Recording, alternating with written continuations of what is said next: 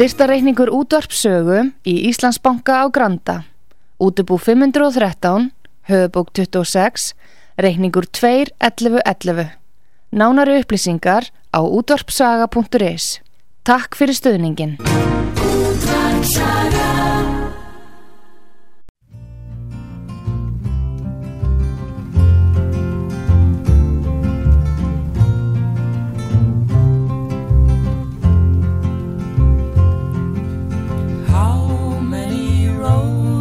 Must a man walk down before they call him a man?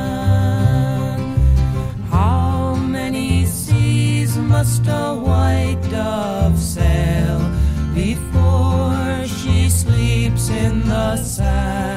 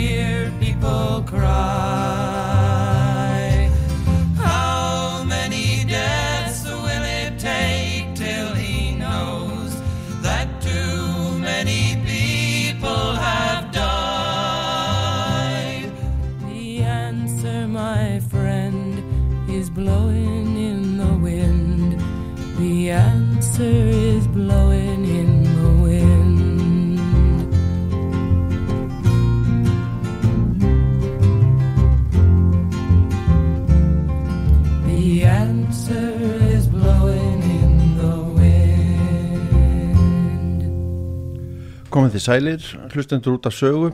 Þetta er þátturinn stjórnsýsla Íslands í mínum augum. Ég heiti Kristján Orn Eiljánsson og hjá mér, hjá mér eins og áður eru þeir Argrimi Pálmarsson og Haldur Sigurðursson. Þegar félaginu sögðu mér að þeir vildu ræða um svo kallar ástabrið sem Davíð Oddsson talaði um á sínum tíma, Lindakonsmálið, Sölufól, Hildu og eignasafn Seðlabankars. Ég er nú ekki vissum að við komumst yfir þetta alls saman en, en við kannski byrjum ykkur staðar og uh, það er kannski það sem erum komin kannski inn á já, þessa slóðu þá kannski rétt að min- minna ykkur á, á hérna á 70. grein stjórnarskrárunar að þarna, nei, ég ætla nú að segja ég ætla, að reynda ekki að tala um 70. greina ég ætla að tala um tala um hérna að þið getur tjáð ykkur allir, allir væri frá sér skoðana sinna 73. grein stjórnarskrárunar og þið sem sett allir það ætlið að segja sannfæringu ykkar hér og takið það ábyrð sjálfur á ykkar orðum. En við ætlum að byrja kannski á hljóðbút sem að ég fann á YouTube eins og oft áður. Það er Páll Skúlusson heitinn heimsbyggingur og siðfræðingur fyrrum rektor, professor rektor Háskóla Íslands sem er í vittali við Þórhall Gunnarsson í þættinu Nái á, Rúf sem var 19. oktober 2010 við slum byrja á að heyra þá klippu Páll Skúlason, professor, velkomin. Þakka þið fyrir. Mér langar að byrja þig um að taka þér nokkuð erfitt verkefni. Mér langar að byrja þig um að sálgreina heila ríkistjórn. Mér langar að byrja þig um að reyndar að, að sálgreina 63 þingmenn og fórustu með stjórnmálaflokka. Og og spyrjaði bara reyn- reynlega hvernig stendur á því að þessi hópur getur ekki komið sér saman um að leysa bráðustu vandamál þjóðurinnar og til dæmis skuld, skulda vandamál einstaklinga og, og fyrirtækja. Já, það Hvað er að? Hvað er að? Ég, ég held að, að megin uh, lösturinn, ég morða það svo og kannski megin þrándur í götu þess að, að ríkistjórnin og alþingi sé að gera það sem þau ætti að vera að gera er svo að við höfum tæmið okkur íslendingar að stunda stjórnmál með afskaplega vondum hætti og þetta er ekkert nýtt, við erum búin að gera þetta áratugum saman og þetta hefur versnað og er núna að mínum dómi orðu gjössanlega ófyðunandi og það er, í, það maður ætti að segja í, í, í nótskurð hver vandin er að hann er sá að við stundum stjórnmál á Íslandi í einu skyni sem er það að ná völdum.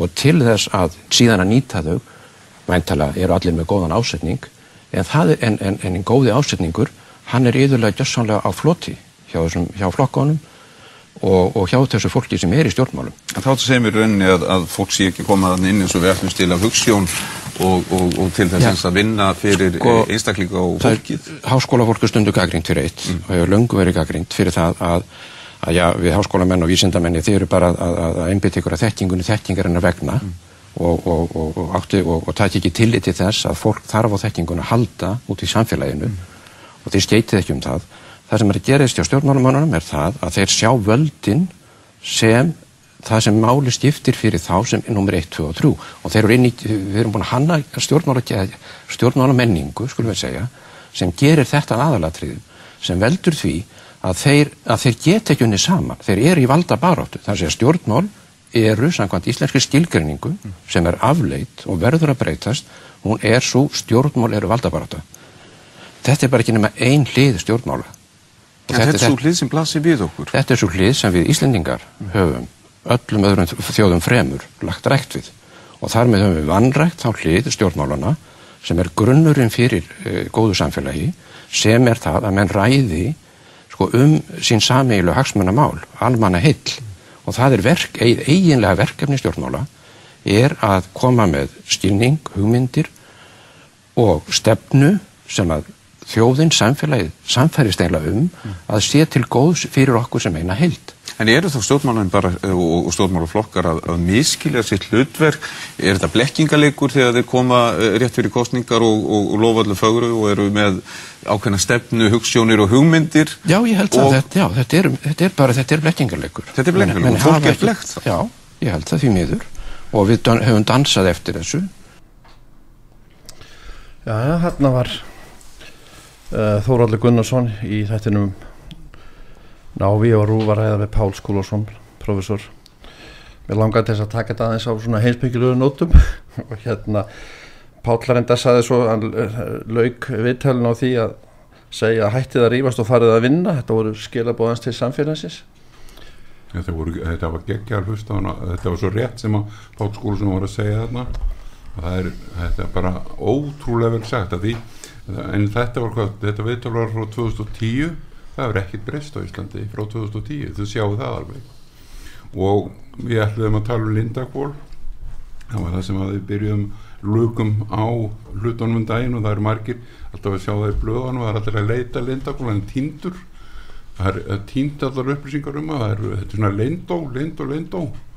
En málið er það að lindakvoll er það fyrirtæki og furðu hérna, system.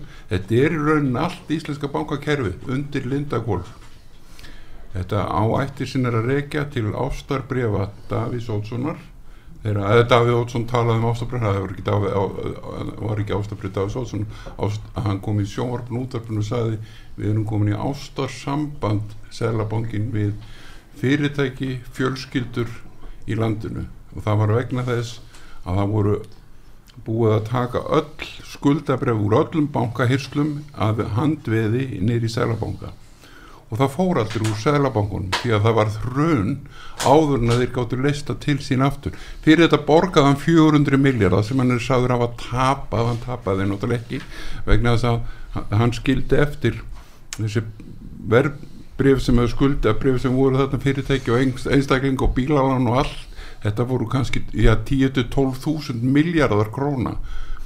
Og það veit enginn hvað var það þessu því að það var stopna fyrirtæki.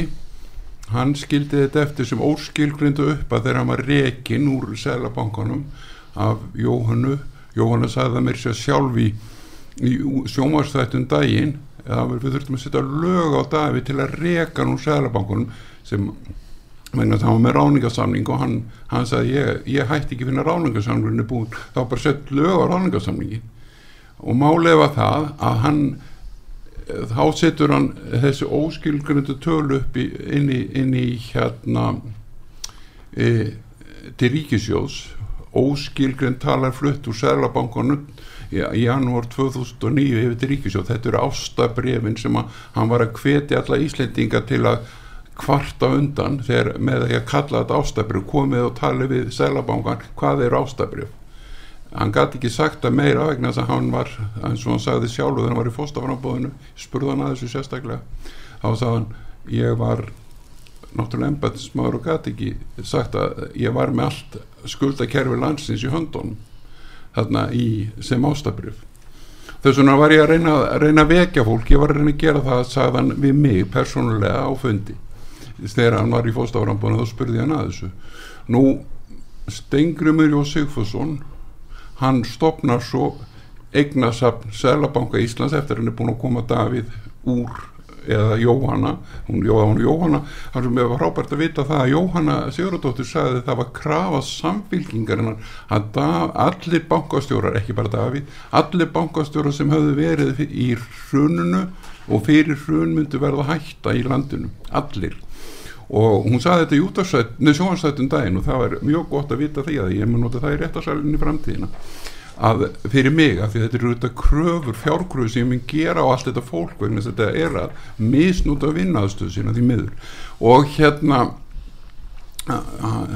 nú þegar að Davíð var farin þá var hann ráðinn að Svein Haugardarna norski hann var í sex mánuði í Sælabankonum og akkurat tíu árum eftir að hann hérna Svein Hóigard var uh, í hætt, það var fór úr Sælabankunum tíu árið setna þá skrifar hann bók.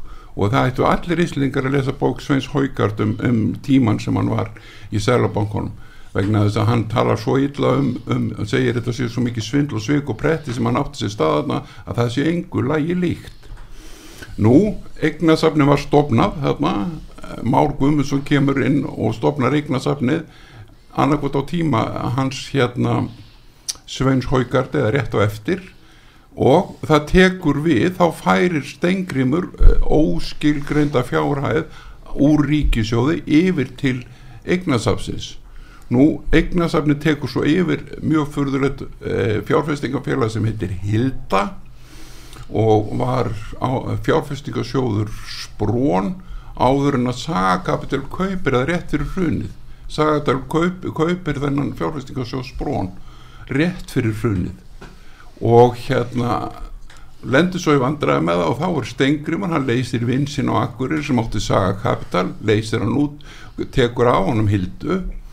Og síðan er stopnað um, setna um árið þá er stopnað Sölfól og þessi fyrirtæki tóku meira af íbúðum og seldu undan fólki heldur flest heldur ný, meiri sem heldur nýbólónsjóð sem að henga til ef hann verið talin eh, vera, vera frekastur í þessu. Bákvæmdi náðu ekki að gera neitt af þessu vegna þess að þetta var bara þarna líka allir peningar landsmanna.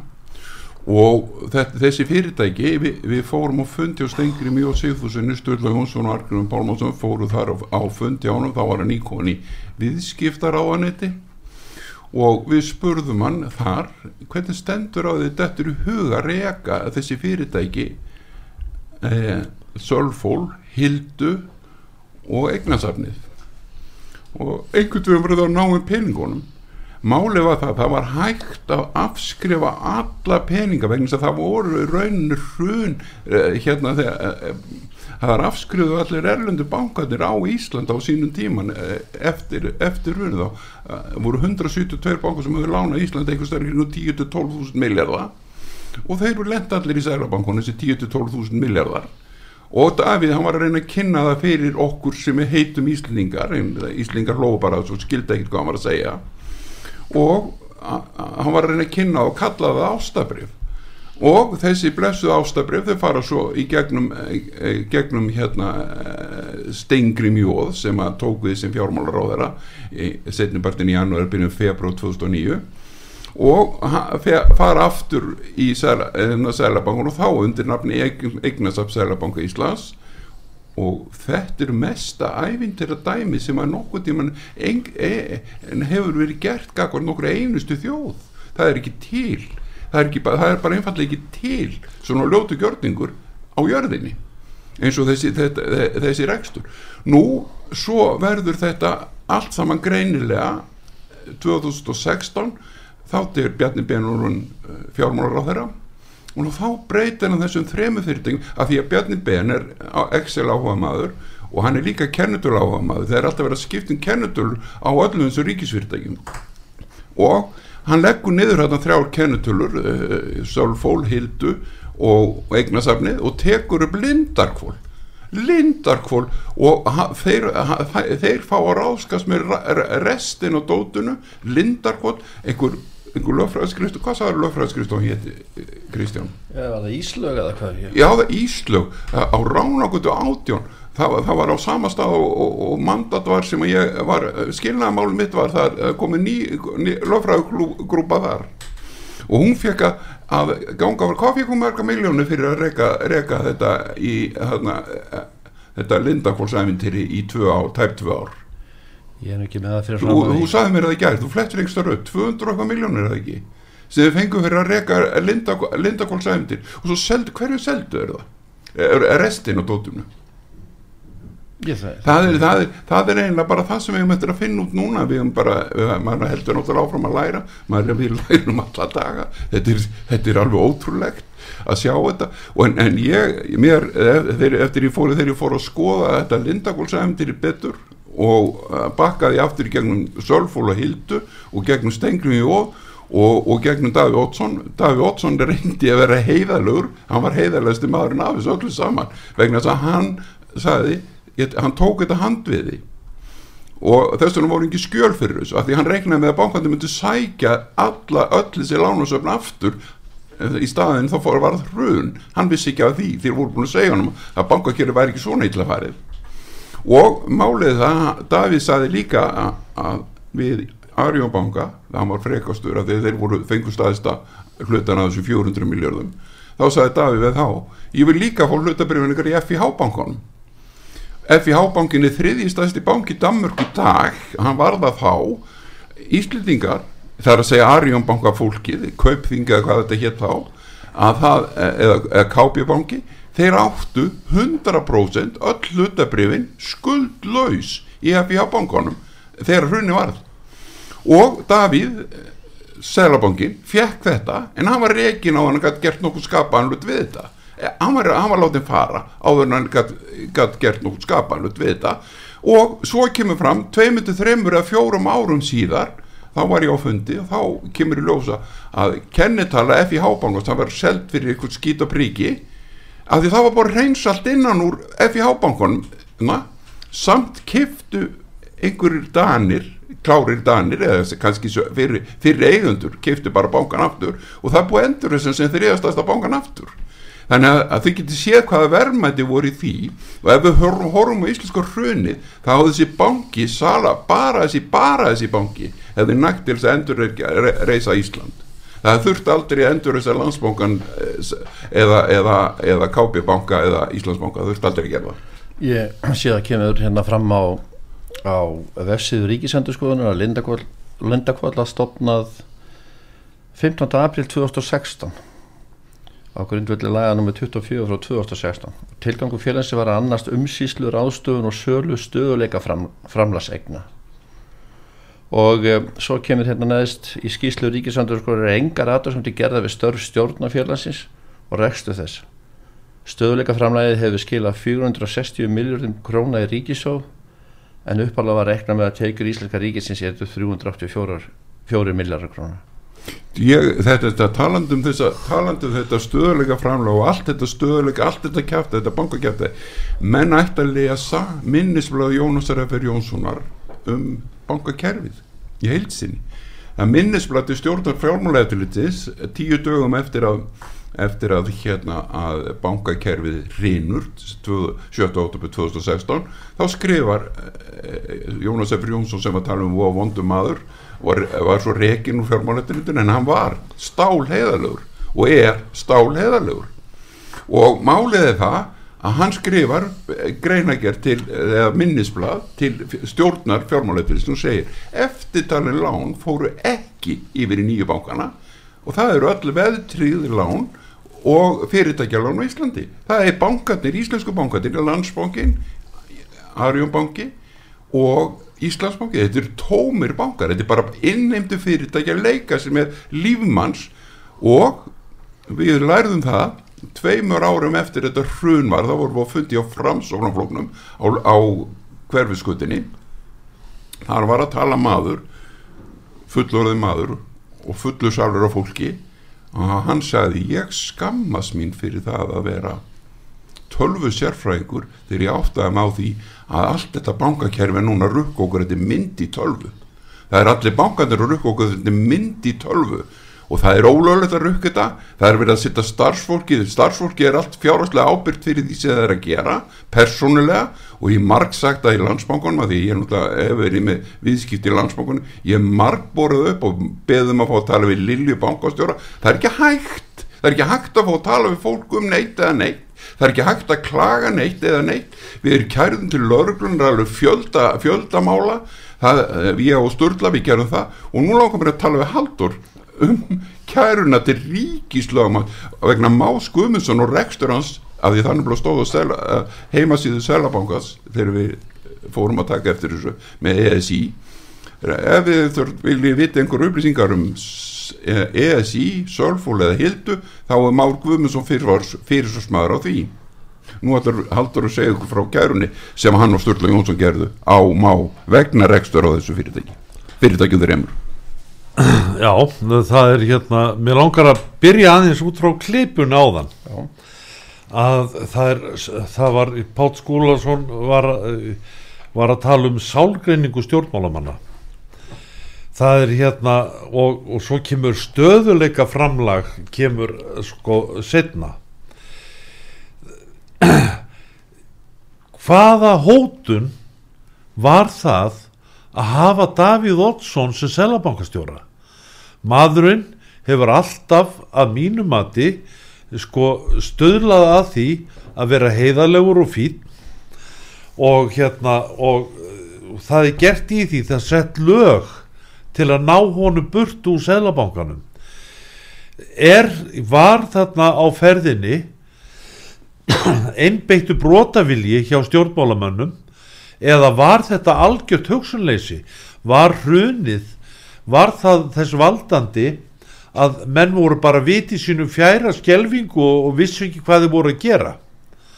En hérna stöðuleika framlag er alveg rosalega flott orð yfir það að ræna hverju einustu fjölskyld í landinu af, af, af eignu sínum. Það var, grein, var greinilega stefnan hjá þeim var að ræna hinn venjulega íbúa. Og það eru, menn voru hérna með, með ég veit um dæmi 59 miljón krónur eign og það kvíldi á henni 30 miljónir og hérna og þar sett eignin var seld á 4 miljónir svo var þinglist á kennitölu konar sem átti eignina uh, 26 miljónum það var þinglist á kennitölu hennar. Það er öll lög voru, voru brotin og þvæld og, og ruggluð og hérna þetta, þetta er ekki eina dæmið. Það er, maður getur talið tugi dæma sem maður veit um og var á uppbóðum hjá fólki og, og, og sá hvað var að gerast. En ég og Sturla Jónsson við fórum þarna og hérna til ríkislauruglustjóra nei, nei, ríkisaksóknara til ríkjaðu og kærðu þar Már Guðmundsson fyrir það að stýra þessu trefn félugum Hildu uh, Sölfól og Egnarsapsela banki Íslands sem, að, hérna, sem eru grunn fyrirtækin í þessu og Már Guðmundsson var eini maðurinn sem átti tjá sig um þessi fyrirtæki. Hann var prókurhafi og sá algjörlega um það. Þannig að það var skal ég sér, það var náttúrulega augljóst að það var hann sem við erum að kæra til ríkisaksóknara að það er reyndar ég hef aldrei fengið bref um það að það hefði skeð neitt í þessu máli. En hérna en uh, máli hlýtur ennþá vera á þeim þetta er náttúrulega flóki mál. Þetta er staðsta rán eh, í heimsögunni trúlega með fólksfjölda að hérna að, að þetta vera mikið flóki mál því ég hef ekki fengið neina tilkynning um það að þessu mál hefur fellt niður eða það hefur nokkuð verið settur í, í, í gæsluvarðhaldi eða neitt í þáttina það mér skilst það að sé nú ekki nema 60 manns núna í skipulari glæpastarfsum sem eru í gæsluvarðhaldi. Að það er kannski ekkit pláss fyrir fleiri. En hérna en þetta er náttúrulega sko algjörlega fáránlegt. Það er ekki einn aðilji sem að farið í þarna á fórsendum þessara uh, þryggja fyrirtækja á sínu tíma sem varð svo að Lindarkvól það er ekki, veist, einn maður sem var hérna í þessu í, átti skuldabrif þarna sem að fekk réttlátt á málsmeðferð. Það er mergum málsins að frá hruni og, og fyrir hrun það raunu veru er, er það frá því hérna uh, uh, sko frá því bara ári eftir eða já að rúmlega ári eftir við gengum í Európska efnarsvæðið þá var skrúað fyrir það að nokkur teimili fengi réttlóta málsmeðferð. Þetta er, þetta er allt rétt sem að sagði, þetta er svo frábær lýsing hjá hann og haldur á þessu þetta er, alveg, þetta, var, þetta er bara allt rétt. Og Sýriður Fríðansdóttir sem er ríkis eh, saksóknari, hún er mjög sérstök hún fekk, hún fekk starfið hjá Ömundi Jónasenni að því hún var eini lögmaðurinn í Íslandi sem þorði rétt að hend og fari í geir horti það voru velunin, þetta voru velun sem Ömundi Jónasson þá var þetta innarriksar veittinni að það fá þetta starf. Má ég að koma inn í þetta ennblad því að svo að menn talað um það að hérna, menn sjá eftir, ég hafa beðist afsökunar á að hafa farið í geirhorta en, en svo var ykkur þarna þrý-fjóri sem sluppu. Sko það, að því vorum að tala um ráð þar ábyrð í síðasta þætti og, og kannski fyrir við hvernig á það meira, ég veit ekki en en, en um, að því við byrjuðum hann á klippunum með honum Páli að svona um siðferðið og allt þetta að sko, mönnum finnst það bara í lægi að menn sko, eiga, eiga að fá að sleppa. Og hvern, hvernig verður þá framaldi með þetta ef þetta er hugafæri það ber engin ábyrðist vera og ráð þeirra eru bara sko, þeir eru bara vakungpakka það er búið á nælonhúð og það kemst engin að þeim. En þið, þú þarf ekki að sjá það að, það að það skulle vera tínd öll skjöl. Það eru, það eru fleiri tjóka manns að leita skjölum um lindarkvól og það er, mennir, það eru fleiri tjóka mann að leita skjölum þá eignasafninu og, og sölfól og hildu.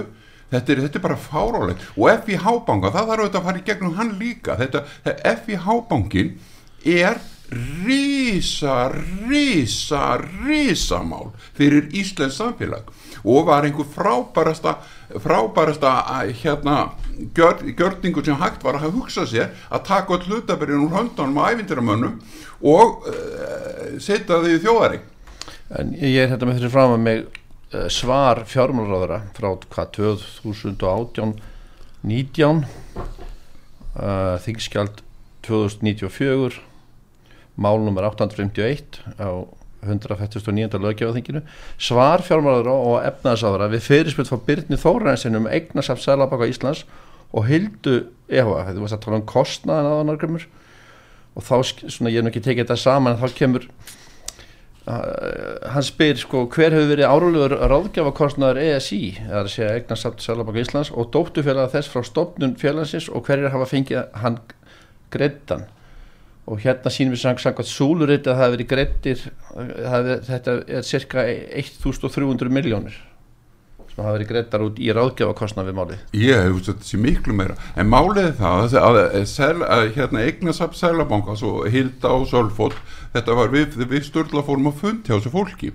Við fórum að fundi á Birgi Birgisinn og Efi Bendistóttir Haugur, Haugur Bendisson sem var hérna það voru þrjár manniskur það, það voru þrjár manniski með eignasaf Sælabankans Hildu og Sölfór, þau voru með aðsettu fyrst í, hérna, í aðalstrætinu í gamla morgunblóðsöllinni og svo fluttuðu þessi í turnin í Borgatúni þar sem að hérna samherjir og þetta, ég heldur mér sjó, að voru á sömu hæð, það voru löffræðskrift á sömu hæð og samherji. Og þeir voru með skrifstofu inn af því. Og við funduðum með Birgi Birgi sinni og Efu Bendistóttir tvisasinnum áttu mjög góða fundi með þessu vorum að spurja og þau svöruðu mjög heiðarlega. En við kunnum bara ekki að spurja þegar við vorum á þessum fundum. Þetta, þetta er, svo, svo langt síðan í dag vitum við miklu miklu meira um þetta allt saman og getum spurt miklu miklu miklu hvassara spurninga. Og þetta þarf auðvitað að taka þetta upp en ég myndi hvetja alla til að fá Davíð Oddsson Davíð Oddsson til að koma í sjónvarp, útvarp og blöð og tala um ástabrifin. Ástabrifin eru öll lán landsmanna Halldór, Já, þetta er hérna, ég er sammála öllu sem hann hefur verið að segja, en sko það er, það er margt skrítið í þessu máli að hérna, ég trúi því að það mátti ekki innheimta eitt einasta skuldabref af þessu sem að var í eignarsafni Seðlabanka Íslands, Hildu og, og hérna og Sölfól og það sem er náttúrulega alveg fáránlegast í þessu öllu saman að til þess að starfsmenn bankana færu á fullu að innheimta þetta þá fengu starfsmenn við, gó- fyrir góðan árangu þá fengu þau stóra bónusa. Og þegar þetta var að byrja set, þetta að hamagangurinn við að bjóða upp íbúðir hjá fólki og svo framvegis að þá var hérna þá var skal ég segja þér e, nú glemt ég því sem ég ætlaði að segja núna. Eh, þá, þá var hérna ég glemdi að skrifa það við, niður hjá við, mér. við erum hvað sem er að fara í, í, í hérna auðlýsingarlið, ef við ekki bara taka það núna, góð tími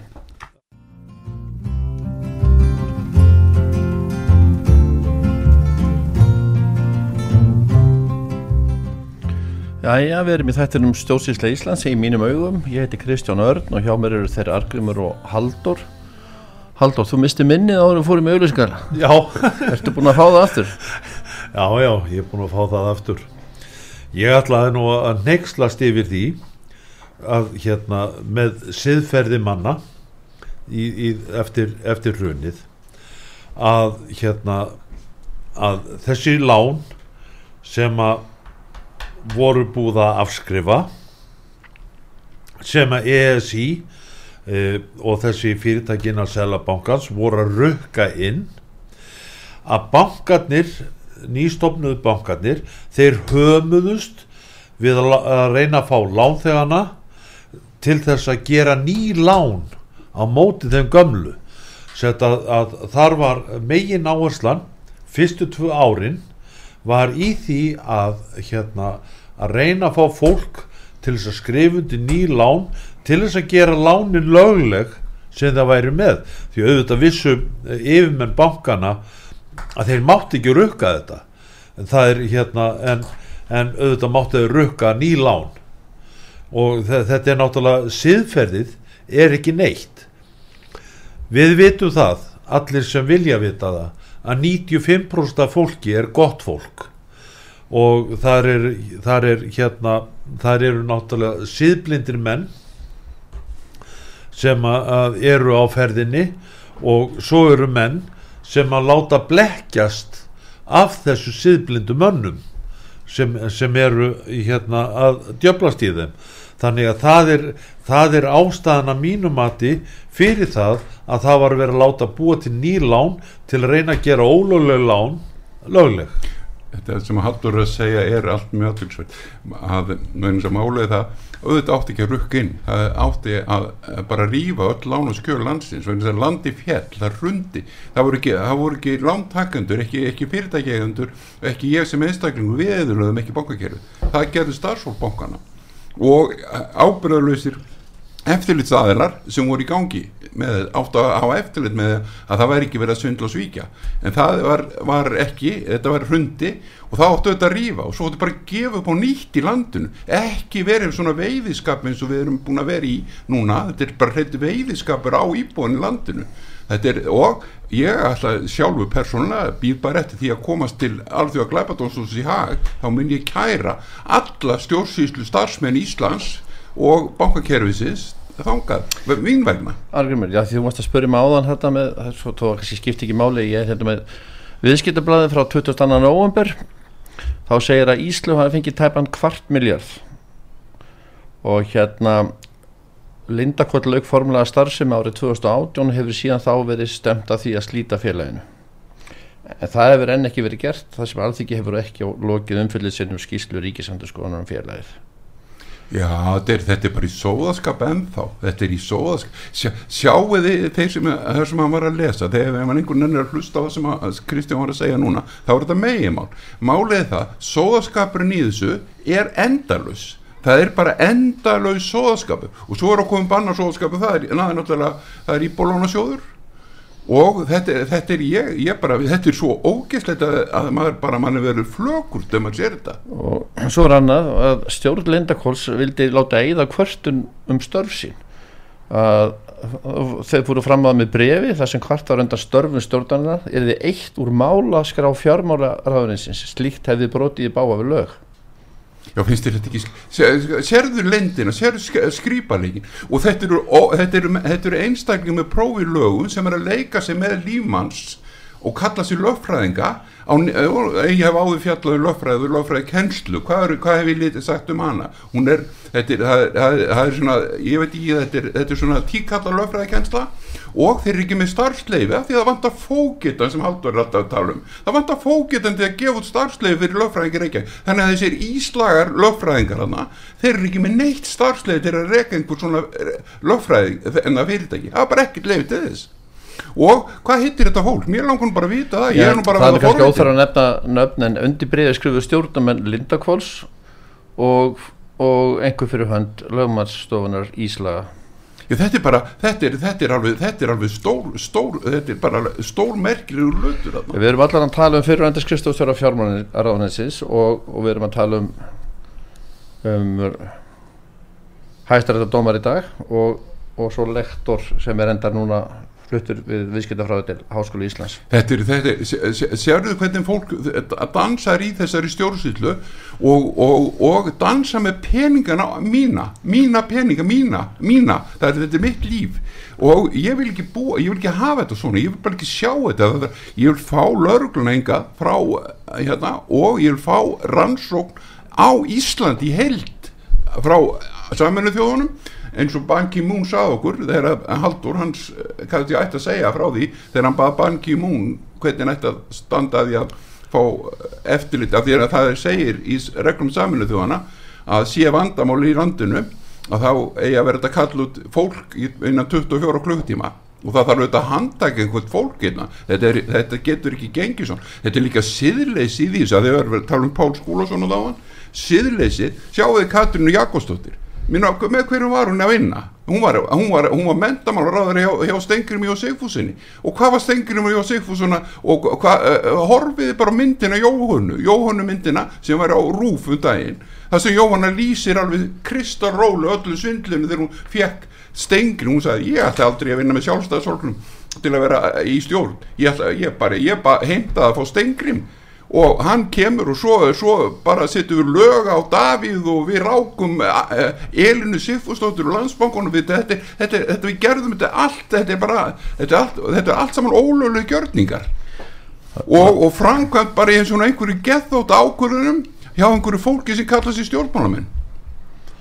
En það er hérna, það er náttúrulega með þessu upptalningu þarna þetta fólk þarna, stjórnin og, og starfsmenn þarna hjá hjá þessu lögfræði fyrirtæki að hérna ef að þeir vilja ekki að, að það komið fram þessi skísla það þýðir það náttúrulega klárlega að þetta fólk gerir sér algjörlega grein fyrir eigin lögbrótum sem að mér þykir mjög gott að hérna það skulle verið einhverju lögfræðingar sem gerir sér grein fyrir lögbrótum þess. Hvað á að gera við þetta fólk það er náttúrulega, veist, þeir sitja á þessari skýslu það, það á ekki byrta hana. En hvað á að gera við þetta fólk? Á að dæma það á líkum? Hver allar að kæra þetta fólk? Það er náttúrulega þeir sem að, að hafa orði fyrir tjón út af þessu fólki. Það er náttúrulega þeir sem er kæra það er náttúrulega hæðstiréttur hefur sagt að menn verður að vera aðil í máls. Og hvað er að margir sem hafa verið þólendur að þessu, þessu starfsfólki og, og, og hérna og þessu lögmönnum í stjórn þessa félags og svo framvegis. Og hvert á að kæra það? Er hægt að kæra til, til ríkisaksóknara ég hef góð reynsla því. Það eru, það eru komið hvað tíu ár síðan og ekki eitt bofs. Það er hvert á það náttúrulega sko ef það hefur verið fóketi hér á landi þegar hrunið var að ég efast um það að það hefur farið fram nema kannski 5 mestalagi 10% af þessum uppbóðum sem voru framkvæmt hefur verið framkvæmt það þurfti ekki að framkoma neinu upp og vegna vegna, vegna þess að- hrunið fór inn í landið. Það var Davíð, hann tók hrunið og kallaði ástabrif og hann, hann, hann gerði það bara óvart, hann reiknaði ekki með því. Þetta bara fjekk að fjekkit í fangi Ég er hérna komin inn á vef Alþingis Þingskjál 1043 Þetta var á 2016 lögum breyting og lögum með Sælabanka Íslands nr. 36 frá 2001 með síðari breytingum. Stöðuleika framlag og við umsýslu ég er hérna í hvað annari þriði málskræn við umsýslu fullnustu og sölu verðmæta samkvæmt annara málskræn fyrstu samkvæmt öðru málslið fyrstu málskrænar skal félagi leggja áherslu á gagsægi hlutlægni, jafnræði og, hagkvæm, og hagkvæmni. Með hagkvæmni er átt við að leita sér hæsta verðs eða markasverðs fyrir eigninir en málið er það en fyrir- við, ég sé það í, svona þessum við verið að skoða að, að það er ekki svo. Nei, það held ég ekki. Og ég og held það ég, ekki með þetta kemur inn að því þú varst þarna ég enda líka að það var fundur í morgun. Vorum að, já, já, þú og- segður og- kannski örliti frá því í eina, tvær mínútur það kemur svona inn á þetta það talað um að leita af fullu verði Já, ég meina við, við náttúrulega vorum að hlusta þannig í morgun á, á, á samtíðsbæri fjóri enda á frábærum fundi talandi um íbólunasjóð, þetta íbólunasjóðsæfintýri þarna, það er annað, það er annað rugl frá, frá hérna, frá hérna eins og, eins og þetta lindakólsæfintýri. Það er bara frá öðru sjónunrótni og ég ætla, ég ætla helst ekki að fara í það í dag en það er hægt að gera það setna. Ég er eiginlega ekki tilbúin að ræða það núna en hann fundi í morgun. skil þarna að því við, já Páll Skúlason maður, maður hugsa alltaf meira meira um það sem hann sagði í klippunu okkar fyrstu. Svona, ef maður hugsa um seðferðið og hérna ef við ekki bara fá aðra klippu og, og fara svona í, í þær umræður. Ekki gert er það sem, er, er það sem mestu skiptir og það er það, það er að kynda undir e, góð, sko, góðri, skipulegri og agaðri umræðu um hins samílu hagsmunamál og sjá til þess að þjóðin sé upplýst um sinn eigin hag, sína möguleika og stjórnmálamennir eiga þá að eiga, eiga auðvitað að vera virkir í að leiða þessu umræðu. Þeir hafa leitt hana endalust með því að reyna að berja niður einhverja, einhverja aðra. Sem sé, sem sé í staðin fyrir umræðuna kemur og sem á þá enginnast af samræðu og rökræðu þá verður kappræðan nummer 1, 2 og 3 og En þá er þetta að segja vegna þess að, að þegar menn enda einmitt í kappræðum eða, eða bara hreinlega reyfrildum að þá er þetta að tala nánast eins og, og uh, þessir einstaklingar séu bæði raukþróta og í rauninni uh, líki þetta fyrir bara ákveðin vankunnart á, á verkefnum. Já, ég held að það, okkur, okkur íslengar skortir algjörlega stjórnmála mentun við, við, og þetta er ein, ein megin skýringin er svo að við vorum nýlenda það voru ellendir aðeila sem stjórnuð okkur. Og við höfum aldrei haft fyrir því að rækta og byggja upp okkar eiginlegu stjórnmálahefð. Og ef við förum aðeins aftur í tíman að þá, streif til dæmis það sem gerist upp úr, upp úr 1900 þegar við fáum heimastjórnunana þess að þá byrja Íslandingar þetta rifrildi í stjórnmálum sem stendur enn og hefur ekkert batnað. Og við, sko, menn hafa endalust vonast til að þetta myndi nú þessi myndi nú linna. En síðan festist þetta í sessi það er það sem Hvernig getur þetta fest í sessi þegar að, að, að, að, því að krafan er mjög skýr frá uh, fólki sem að kemur til dæmis niður á Östuvöll það segir líðum fara að vinna, líðum fara að leysa úr þessum brínustu vandamáli þjóðarinnar. Um, eru menninni þá svona, hvað var að segja, blindir? Eru þeir uh, ekki nægilega meðvitaðir um uh, kröfuna í samfélaginu eða hafa þeir þá bara ekki getur til að takast á við hann Sko ég held að þeir, eh, þeir hljóta nú hafa skili og fengið þær allarstinn skilabóð. Málið er það að þeir eru lokaðir inn í kerfi eða síðum, bæði kerfi og síðir, skulum við segja, og maður gera hérna eitt greinamun sem að skiptir máli. sko kerfið er slíkt að það, að það er leikið eftir ákveðinu reglum. Og það er ákveðin völd sem að það er gífulega mikil völd hjá ráþörum þannig að, að baráttanum ráþæra ennbættin hefur einkend Íslands stjórnmál áratökum saman mm. og ráþæra er mjög, hann, hann er svo sjálfstæður og hann þarf ofta ekkert að bera eitt, e, e, e, sín málundir einn eða neitt, ekki eins og ræða við samráð þeirra. Mm. Hann getur tekið alls konar gerraðislegar ákvarðanir og þetta hefur tíðkast hjá okkur. Þannig að kerfið býður upp á, upp á þessa baráttum völdin. Síðan eru, eru ósiðinir, þessi djúbstæðu ósiðir í í umræðinni rökræðu, sem sé, skorturinn á rökræðu síðunum. Og þarna einkennist okkar sko held ég því miður okkar uh, sko, okkar stjórnmála ómenning, svo af því að við vorum alltaf með þetta erlenda vald. Við höfum mjög neikvæða afstöðu Íslandingar það með okkur gagvart ríkinu. Mm. það sé gagvart þessu, þessari sameign okkar þessu, þessu oppenbera sem er verkfæri okkar til að reyna að tryggja góð lífstílir í landinu og þroska barnana okkar og þess að mm. þá erum við neikvæða afstöðu. Haldur Já, þetta er aðdeglisvert það er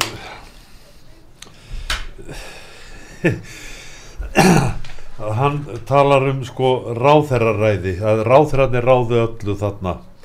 Og það er náttúrulega ég get ekki sé það í stjórnarskráni því stjórnarskráin segir það að ráþeira þarf að spurja fórseta Íslands um hvað sem er nema þá hluti sem alþingi er að skipa ráþeira að gera.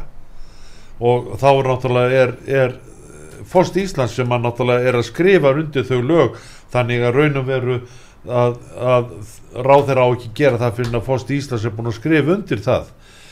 En hérna en það er klárlega með að við þessa klípu að það er klárlega þannig að fólk er þarna ráðalust eins og hann Argrimur sagði áðan að, að fólk er að læra lögfræði á kvolvi að þá, þá eru sko siðir sko og vennjan uh, ég hef lesið lögbók þar sem að, þar sem að, að stjórnarskráin segir þetta.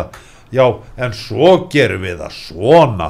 Þá er það allt annað með allt annari merkingu og svo framvegis það er hérna það er eins og með lánin hérna hjá Íbúlánasjóð bara svo ég skjótið inn sem dæmi að ef að þú lendir í vannskilum við Íbúlánasjóð þá stendur í lögum að þú getur fengið tveggja ára greiðslufrest og svo ár til viðbótar. Var þetta kynnt fyrir einhverjum aðilum sem lendi í vannskilum í Íbúlánasjóð Nei, það var ekki kynnt og ég spurði af hverju það er, já þetta er svo flókið mál, þetta var ekkit flókið mál, þetta var bara stendur í lögum um íbúrlánasjóð að, að, að fólk hafi heimting á þessu vegna þetta er náttúrulega velferðasjóður og hérna en, en svo dætt einhverju snillingum í hug þarna hjá íbúrlánasjóð að þú varst að fara og fá banka til þess að samþykja þig um að þú gætir farið í greiðslufrestin hjá Íbjörlónasjóð þetta var náttúrulega bara uh, tóm steipa fram og tilbaka og þetta er lögbrott hjá Íbjörlónasjóð og þetta fólk, allt þetta fólk sem að misti egni sínar var ekki bóðið það að framlengja lánunum í tvö ár og svo í þriði árinu að, hérna, að það er náttúrulega uh, fulla skadabætur inn hjá Íbólánarsjóð og Íbólánarsjóður er með ríkisábyrð þannig að ríkið ber fulla ábyrð á því öllu saman. Uh, Pál talar um þessum uh, lokar í kerfi og siðum. Og hann talar um, um gífurlu völdar á þara og sjálfstæði. Þeir þurfti ekki að, ráð, ekki að ráð, ráðfara sig við, við uh, samaráðara sína sendaðið mig og þeir geta tekið gerðaðslegar ákvarðanir. Uh, hafa ráðfæri að vera að taka, taka gerðarslega ákvarðanir? Þú náttúrulega viti það veit, já, ég er að spyrja ykkur ég, ég, ég, það, já, já, já, það eru gerðarslega ákvarðanir tegnum reyndum daglega fýblarlega, meðan hann stofnun á tveimur og þreimur nýju ráðanættum það er bara þarf ekki annan að munna það. Þessi síðferðið er hún saði, ymmit við þetta borð hérna, hún Þorgjörg Katrín Gunnarsdóttir viðreysnum daginn. Þessi ríkistjórn var bara stofnuð um völd. Völd það var akkurat að tala um völd þetta mikið, hann spál skúlason og siðferði og hún var stopnuð um völd. Kostað þrjá miljardar bara stoppkostnaðurinn og ráðanitum og við, við hittum nú Áslögu Örnu þarna niður á, á landsfundinum þar sem hún var að dreifa bók. Hún var að skrifa bók um kynning á því hvernig hún að uh, leika sig með ráðanetti af því þetta er svona bara hún fær að, þetta er svona eins og að setja upp nýtt fyrirtæki bara setja upp svona uh, bara eitthvað út í loftið og málið er það, þetta er ábyrðalust fólk eða telur sig ekki þurfa að bera ábyrð á neinu en er að leika sig með mitt líf. Bara hlæra manni eh, maður eh, hérna, í, í 12 ára er ég búin að byggja um hjálp og þá hlæði ég að manni og í staðan verið hjálpa manni. Og málið er það, þetta er maður læri bara alltaf meira og meira að þetta fólk er að engan hátt starfið sínu vaks eins og að komum Pál Skúlusson talaði um. Það er verið að menn eru illir, þetta er rifrildis uh, kerfi á milli, milli flokka og uh, ég, nú á ég ræð ég í dag og, og þú ræður á morgun og þetta er svona í staðin fyrir að stýra landinu þetta, þetta er sko það er, það er ábyrð að leiða fólk. Það er ofbóðsleg ábyrð að taka sér að leiða hópa fólki þetta, eh, ef ef þetta væri rútubíl fullur af fólki og hann myndi bara vera út í skurði alla daga þá þetta er lélugu bílstjórin aðeins að koma inn á það sem Halldór var að segja því að náttúrulega menn hafa tólkað ég veit að þú vilt ekki nóta orðið tólkað en menn hafa tólkað stjórnarskrána. Það má ekki. Já, já, já, þú, þú ert í því. Sko, þú, við erum að tala um kannski svo önnu grein stjórnarskránar um að fórsett og önnu stjórnvöld sanga stjórnarskrána þessari og öðrum landslunum farið með frangvættavaldi þú vilt semst meina það að fórsetinni eigi að hafa eitthvað eh, taka á ráþurum Já, auðvitað. Hann ber ábyrð á því að, ráðherran sé í starfi. Ef, ráðherra brýtur af sér, þá er, þá er uh, fórsetin ekki ábyrgu fyrir brotinu, en hann er ábyrgu fyrir því að, að halda þessum ráðherra ef hann rekur hann ekki. Það Málið er það, ég má ekki koma inn á þetta aftur, af því ég hef búin að gera þetta áður í þessum þáttum. Málið er það að, að fósittin, hann er ekki á- ábyrgur fyrir daglögum rekstri ráðaranna, en hann er ábyrgur fyrir personinni sem hann skrifaði ráðningasamningin á. Og það er personan, ef hún er að bróta á mér, Bjarni Bendinsson til dæmis sem svíku fund Katrin Jakobsdóttir sem svíku fund. Það, þetta, og mannleysi sem er, er hjá Sigur Inga hann, hérna, og öllu þessu fólki þetta er, þetta er bara, þetta fólk að það, það er náttúrulega er eh, hérna fósitinum ábyrð á því vegna þess að hann réði það í vinnu, hann skrifaði vinnusamlingin Þannig að þið eru semst að meina það í staðin fyrir að, að, að tólka stjórnarskrána eftir texta sínum þá hafi skapast einhverja venjur á, á, á aðra leið þannig að, að eins og til dæmis í 11. greininni að, að fórsetin er lífið sér ábyrðarlegs á stjórnaratöndum að eins og þú segir Argrimur að hann er ábyrðarlegs á stjórnaratöndum en, en hann er ábyrgur gagvært semst hann er ábyrgur á ráþörunum það er hann sem að setur þá í, í, í stöðuna. Persónunum, ja, þannig að þó þess ekki ábyrgur því sem ráþöra gerir þá er hann ábyrgur að hann skulle vera í, í, í embættinu. Já, já, hann væri í gembatunum nema vegna þess að hann er með ráningasamling frá einstaklinu sem heitir kalla sig fósta svo í 13. greinni þá er talað um að fórstilætur ráþöra framkvæma vald sitt. Það er aftur það að, hann er ekki ábyrgu fyrir á- ekki að- aðgerðunum á daglegum en hann er ábyrgu fyrir einstaklinu sem framkvæmur aðgerðunum daglega. Þannig að meina að rekur hann ekki að þá er fóstun óhæfur og reka fóstan og í dag, í dag, eins og land er í dag þá myndi ég hveti til þess alþingi myndi leggja til þess að Guðin á, en að T.A.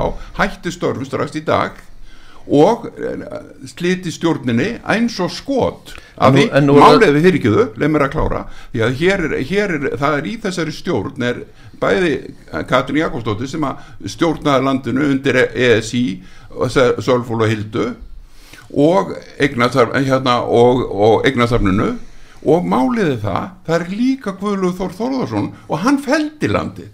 Hann var, í, hann var í stjórninu með Geir Horti og þetta er það, og núna er að koma, núna er bara það var, við vorum á fundi í morgun þannig úti, úti á, á, á loftleðum og það, það bara liggur lág og lág við fundin og hættan á, á hrunni En a- algengasti skilningurinn hefur verið sá að, að, að það er fórsteraður eða kemur ykkur alþingismæður til fórseta og fær umbóð og, og hann, hann, það verður þá vantarlega fórsteraður hann skipar hann, eða sérst, já, hann skipar hann og síðan, eh, síðan með, er það eiginlega fórsteraður sem skipar hinnar ráður, það, það er fórsteraður sem er að reka og, og ráða orða það þannig, Þa, þannig hefur það verið. Nei, það er ekki svo leið Ég, ég segi það, þið, þið eru með hinna sko, þið eru Það verðum ekki með neina skoðun, málið Já, það, þetta er, þetta er alveg klárt því að málið Nei, er það sem ég er að tala um, sko, það, þetta er venjan.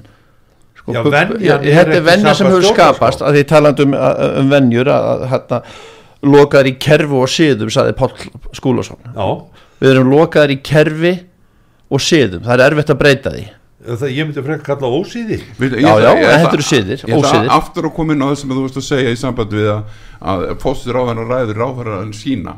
Hann tilnefnir ráðherrana ráðningarsamningurinn, hann er alltaf undirritar á fóstunum það er ennþá þannig, það eru þó að sé, fósitin sé nú búin að leggja það af að það þurfa að fylgja honum út á hérna, sem, er, sem, er, sem er skilda vegna að það er einhver að taka við upp á mínótu við landinu, þetta er bara svo að taka við skip út á sjó. Og það En- þarf að vera fókiti Já, og, og þetta, er, þetta, er, þetta er, það er allt sko þvælan og vitlessan í þessu. Er, er, þetta er bara eins og við, við bara kunnum ekki, eins og Páll Skúlsson sagði, það er eins og samfélagi get ekki verið sjálfstætt bara, hefur bara einfallega ekki getu hugsunni getu til að vera það. Og þetta hefur bara alltaf verið svona ekki? Nei, Nú, nei. Fyrstu þrý fórsetar Íslands fóru eftir stjórnarskráni að þú ert að meina í, heitubóttanum í, heitupottunum í, og, og, veist, í, á hótelherbyggjum neður í alþingishúsi og hvar sem þeir voru að ræða við þingmenn að þá rættu þeir um þau mál sem að þingi var með fyrir höndum. Að þú ert að meina að þeir hafi verið beintengti þeir voru, höfðu, voru í daglegu samskiptum. Voru í daglegu samskiptum. Það er ekki að finna Vigdísi kosin fórseti þá voru hún sendi í útleið út í gamla fangelsið. Sem er, sem er núna Katrin Jakobsdóttir og, og hérna og byttu og sjönda, sjönda á morðin að konan hún Steinin hún dó í fangilsinu og var urð á skólarholti og, og hérna þetta, þetta, er, þetta, er sko, þetta er bara þetta er bara þvælu saga samfélags hérna því meður þetta sem, að, sem við kollum íslenska ríkjabandalagi sem að við stopnum 1944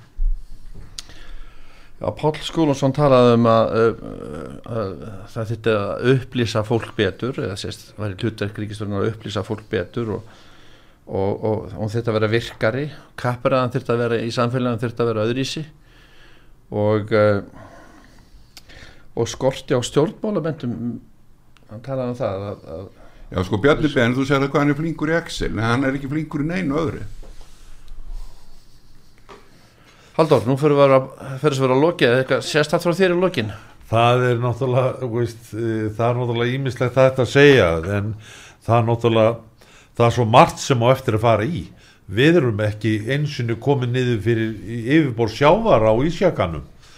Og hérna það eru hérna lofslagsmálin, það er nú aldrei sem við brotið á almenningi þar. Það, veist, við getum farið hérna í, í dróma.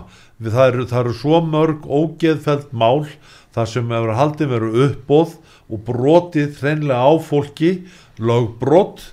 Og með þess að ég var verið uppbóði þar sem að, að lauruglan fekk ekki einu sinni fólkið sem var að framkvæma uppbóðið til að segja til nafnsins og, og lauruglan þurfti króa inni með lauruglubíl þetta fólk inni hérna í, á götu til þess að fá svo nöfnið þeirra Argrymur, loka orðið, eitthvað á jákvæða nótunum? Já, já, því ég hef alltaf sagt að það er, það er tveggja mánu að vinna endur þess Ísland. En við þurfum alla Íslendinga í til þess að vinna saman eins og einn maður og hætta við, þá, til þess að menn getum byrjað að vinna saman sem einn maður þá þurfum við að hætta félagskíslur eins og Linda Kvóli eða Íslands eh, Íslandsbankaskísluna eða, eða Íbólánasjóðskísluna þetta er ekkit, ekkit einasta vandamál að gera svo hluti með því að vinna saman og þetta, það er bara það þarf bara að byrja á þessum fyrst. Og Halldór. ég vil bara segja Já, uppkoma svik um síðir. Góð hlustundur, þættinum er lokið því ég þakka þeim Argrymi Pálmasinni og Halldóri Sigurþórssoni fyrir spjallið og Davíð Jónssoni fyrir tæknimál og stjórnun útsendingar. Ég heiti Kristján Örn, góða stundir